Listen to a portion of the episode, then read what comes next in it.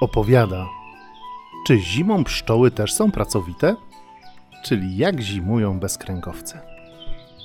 Gdy nastaje zimowa pora, czyli w naszej części świata między grudniem a marcem, chętnie narzucamy na siebie dodatkowe warstwy ubrania oraz szukamy schronienia w ciepłych domach. Nasze kaloryfery, piecyki, kominki zaczynają grzać, dając nam ukochane ciepło. A czy zauważyliście, że jesienią mamy troszkę większy apetyt na słodycze? No tak, po prawdzie to mamy na nie zawsze ochotę. Ale teraz możecie powiedzieć mamie i tacie, że to zupełnie normalne, szczególnie jesienią i zimą. Nasza większa ochota na łakocie bierze się z głęboko zakorzenionej w nas potrzeby zebrania odrobiny tłuszczyku, który będzie nas chronił przed zimnem oraz zapewni nam odpowiednią ilość energii, aby żyć w trudniejszych warunkach pogodowych. Ciepły dom, ubrania, gorące posiłki, herbata są naszymi sposobami na radzenie sobie z zimowym chłodem. A zastanawialiście się, jak radzą sobie z zimą zwierzęta? Metod i sposobów jest oszałamiająco dużo. Końcu zimowy czas to nawet 4 miesiące trudnych warunków. Zapraszam Was na miniserię opowiadań o sposobach radzenia sobie zimą przez różne zwierzęta. Dzisiaj opowiemy o najbardziej kosmicznych zwierzakach, czyli o owadach oraz innych bezkręgowcach. Tak nazywamy zwierzęta bez wewnętrznego kręgosłupa i czaszki, a są nimi ślimaki, pająki, wspomniane już owady i dżdżownice. Pamiętajcie, chociaż nazywamy je wszystkie bezkręgowcami, to jest to tylko taka wspólna nazwa i zwierzęta te są bardzo od siebie różne i niespokrewnione. A wiecie, że 95% zwierząt na świecie to bezkręgowce? To tak jakbyście z 10 kostek czekolady odłożyli 9,5 kostki, a tylko to pozostałe półkostki to zwierzęta nazywane kręgowcami, do których zaliczamy się również my, ludzie. Jak myślicie, jak zimują ślimaki? W Polsce spotykamy dwa typy ślimaków, takie ze skorupką na grzbiecie oraz bez skorupy. Ślimaki bez skorupki nazywane są przez przyrodników pomruwami i pojawiły się one w Polsce koło XVII wieku, czyli trochę ponad 400 lat temu. I są z nami do dziś. Jak przeżyły tyle lat w naszym zimowym klimacie? Pomrówy zimują ukryte pod liśćmi oraz pod kamieniami oraz grubymi, leżącymi na ziemi gałęziami. Z kolei często spotykany w Polsce ślimak z domkiem na grzbiecie, czyli winniczek, zimuje zamykając swój domek kredową błonką powstałą z wyschniętego śluzu. Te prowizoryczne drzwi mają malutką dziurkę, przez którą dociera do ślimaka powietrze. Aby dziurka się nie zatkała, przy roztopach oraz dużych opadach śniegu, winniczek przesuwa się jak najdalej w głąb swojej skorupki przez co wejście do jego muszli zawsze jest skierowane do góry. Przypomina on zabawkę dla małych dzieci, nazywaną Wańka Wstańka. Czasem również nazywano kiwajką, która po wychyleniu na boki zawsze ustawia się pionowo. Ślimaki w skorupkach również szukają ochrony pod warstwą liści. Największą rodziną wśród bezkręgowców są owady nazywane często przez nas robakami, choć to błędna nazwa, bo naukowcy robakami nazywają zupełnie inne stworzonka. Owady mają kilka niesamowitych sposobów na przetrwanie zimy. Chociaż często boimy się owadów i nie przepadamy za ich widokiem, są one bardzo pożyteczne i potrzebne w przyrodzie. Owady przede wszystkim najczęściej zimują w postaci niedorosłej, czyli takiej przejściowej. Dorosłe owady z nadejściem zimowych chłodów umierają, choć są od tej zasady wyjątki, o których sobie opowiemy za chwilę. Dorosłe owady składają malutkie jajeczka, z których wychodzą na świat owadzie larwy. Zimujące jajeczka są zabezpieczane warstwą wosku, która chroni je przed zimnem i zapobiega pękaniu jajeczek w czasie zimy. Czy podczas mroźnych dni sparowaliście usta specjalną szminką ochronną? Pewnie, że tak. ona również ma w swoim składzie wosk. Czasem jajeczka owadów są zabezpieczane również specjalnymi włoskami oraz oprzędami, czyli takimi nitkami przypominającymi pajęczynę. Jeśli będziecie oglądać uważnie grube spękania kory na drzewach, być może znajdziecie takie zimujące jajeczka osłonięte włoskami lub oprzędami. Drugim najpopularniejszym sposobem przeżywania zimy przez owady jest pozostanie na przykład gąsienicami na okres zimowy lub poczwarkami. W takiej postaci owady są prawie niezamarzalne. Na przykład naukowcy sprawdzili, że larwy much spokojnie przetrwają zanurzenie w ciekłym azocie, który ma temperaturę aż minus 190 stopni Celsjusza. Dzieje się tak, ponieważ owady doskonale opanowały umiejętność pozbywania się wody z organizmu na czas zimy. Dodatkowo potrafią produkować w swoich komórkach płyn, który zapobiega krystalizacji pozostałych płynów, czyli zamarzaniu. Są również owady, które myślą o zimie już wczesną wiosną, tworząc jedne z najbardziej niesamowitych kryjówek dla swoich jajeczek i larw. Tworzą galasówki. Ale, ale, co to są te galasówki?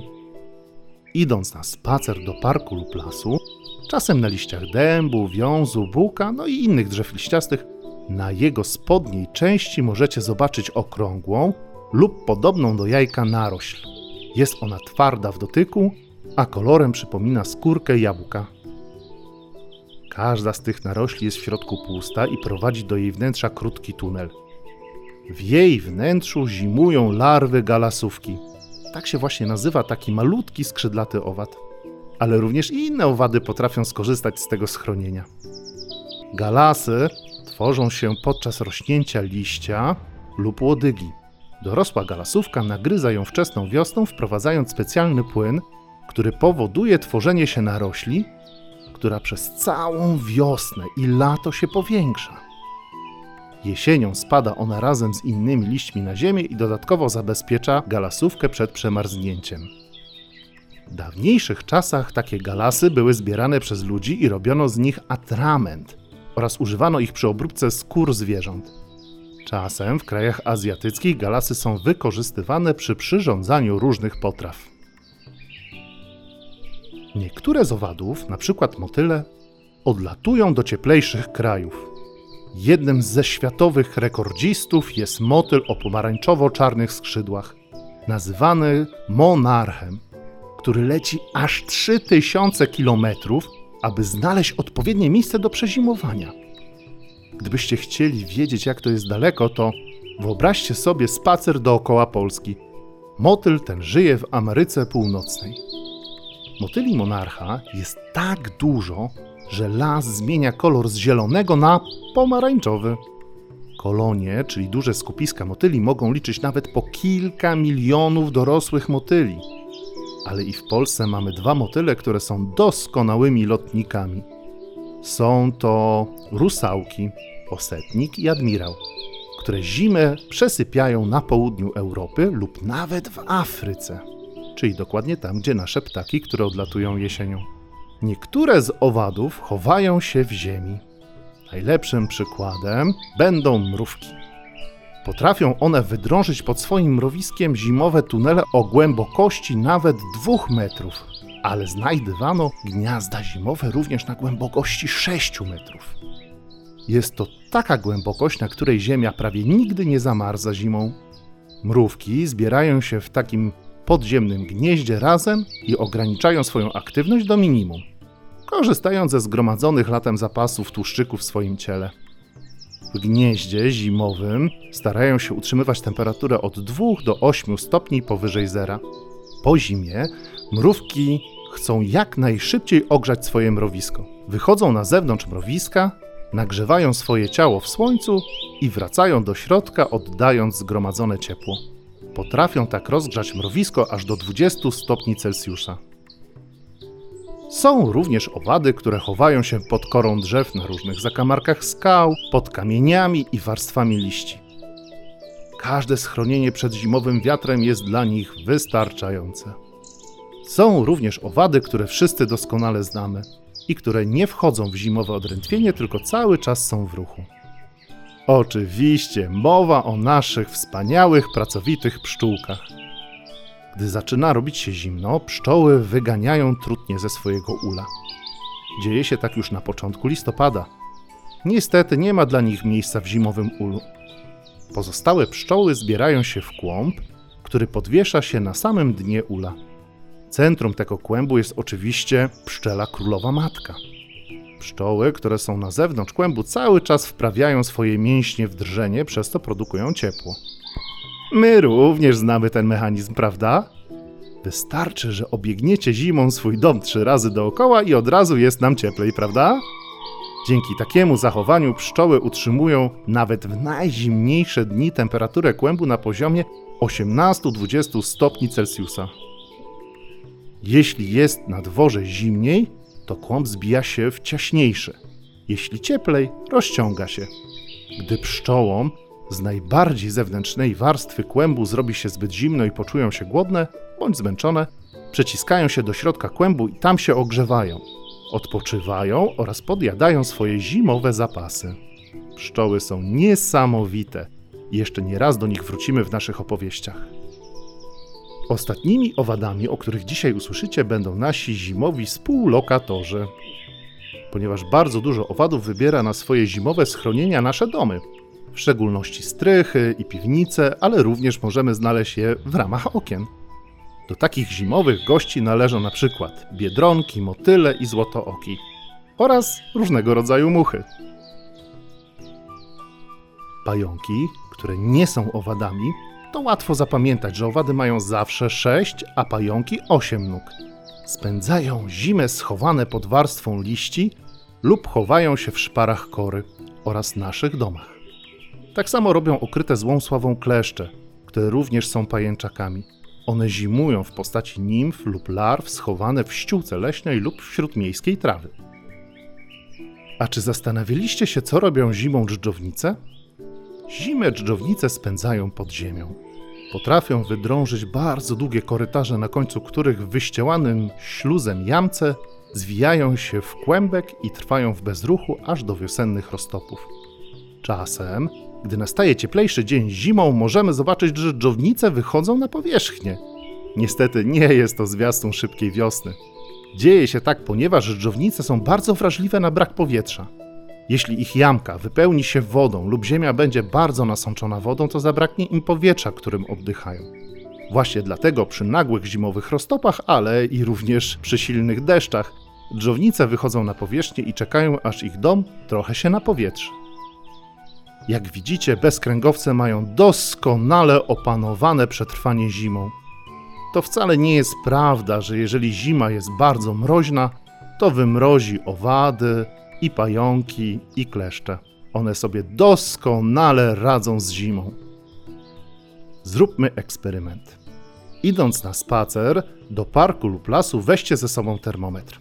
Ważne jest, aby miał on możliwość mierzenia temperatury minusowej, czyli tej poniżej zera. Znajdźcie jakieś drzewo liściaste i schowajcie pod opadłymi liśćmi termometr. Zaznaczcie miejsce schowania termometru, aby potem go odnaleźć. Zostawcie go na jakieś pół godziny. Następnie wyjmijcie go i sprawdźcie, jaką wskazuje temperaturę. Zapamiętajcie ją lub zapiszcie. Teraz trzymając termometr w ręce, kręćcie się w kółko tak, aby termometr owiewał pęd powietrza. Udajecie w ten sposób wiatr. I sprawdźcie, jaką wskazuje teraz termometr temperaturę. Zobaczycie, która temperatura jest wyższa, a która niższa. W ten sposób potwierdzicie, że zimowe schronienia bez kręgowców naprawdę działają oraz że kręcenie się, czyli ruszanie mięśniami, faktycznie rozgrzewa pszczoły w zimowe dni. Dziękuję Wam za wysłuchanie kolejnego odcinka bliżej lasu.pl spotkania z piórem i pazurem. Już teraz zapraszam Was na kolejny odcinek, który pojawi się już wkrótce. Do zobaczenia w lesie!